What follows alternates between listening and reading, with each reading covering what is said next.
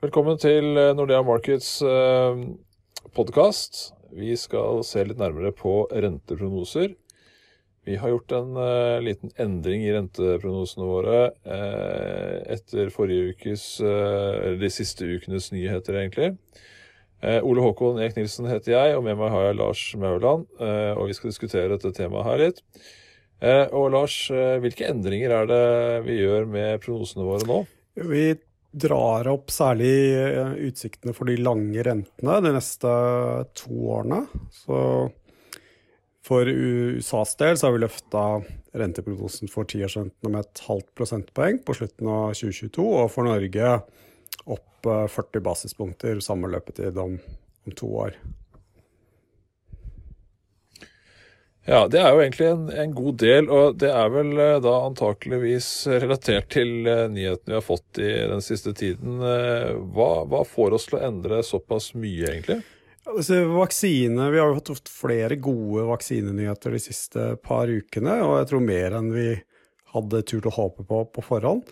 Eh, for det første har vi fått flere vaksiner eh, på en gang som ser ut til å virke eh, veldig bra. Og de også, resultatene vi har fått, har jo vært til dels veldig gode. Så nå, og i det samme så ser det ut som man starter i gang å vaksinere i løpet, av, i løpet av et par uker. Så er man i gang med det. Så det kan se ut som man kan faktisk klare å oppnå noe som tilnærmet er flokkimmunitet uh, neste sommer. Og det, det, gjør at man kan komme i gang med uh, vanlig aktivitet, slutte med disse smitteverntiltakene tidligere enn det man hadde sett for seg tidligere. Og sånn sett får man lukka output-gapet raskere enn før. Ja, og dette her er vel det Nå er vi på en måte inne på linken da mellom uh, covid-19 og, og, økonomien, og dermed også rentene. Men kan du si litt mer om uh, denne, denne eventuelle økningen i aktivitet? Hvordan, den, hvordan, vil den påvirke pengepolitikken? Og, og, og hvorfor da denne endringen uh, kun i de lange rentene som vi, vi ser for oss?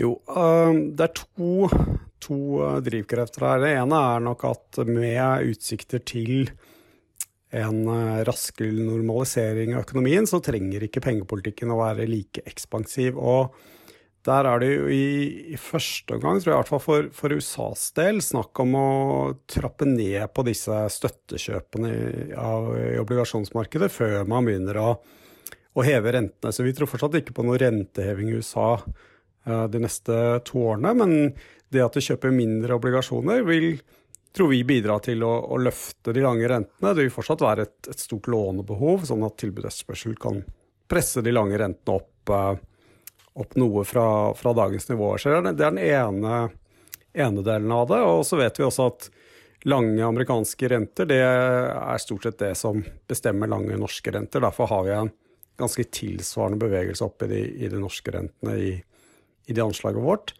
Eh, men så har vi også en, en link via prisveksten. Eh, etter disse vaksinenyhetene så har vi sett en, en, oppgang i oljeprisen.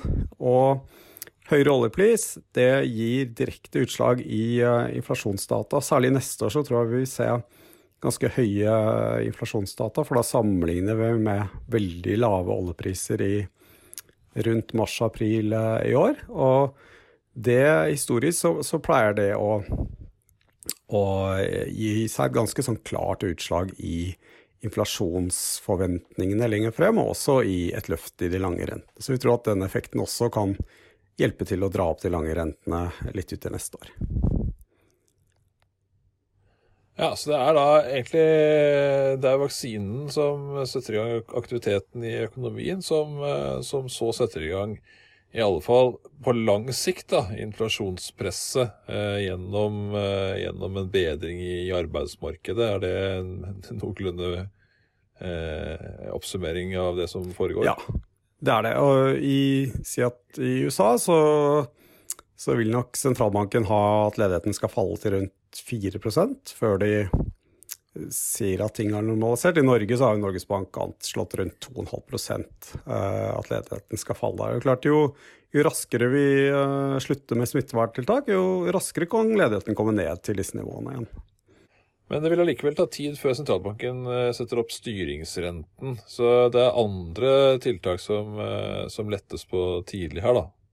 Primært så, så, tror vi det vil komme først fra, fra USA sin del. Og så vil man nok også være ekstra på pass forsiktig da, med å begynne å sette opp rentene før man er helt sikker på at ting er liksom på stell, før man uh, gjør noe med det. Ja, nei, men det, det, oppsummerer vel egentlig det vi, det vi hadde for dagens uh, eh, podkast med Nordea Markets fra innsiden.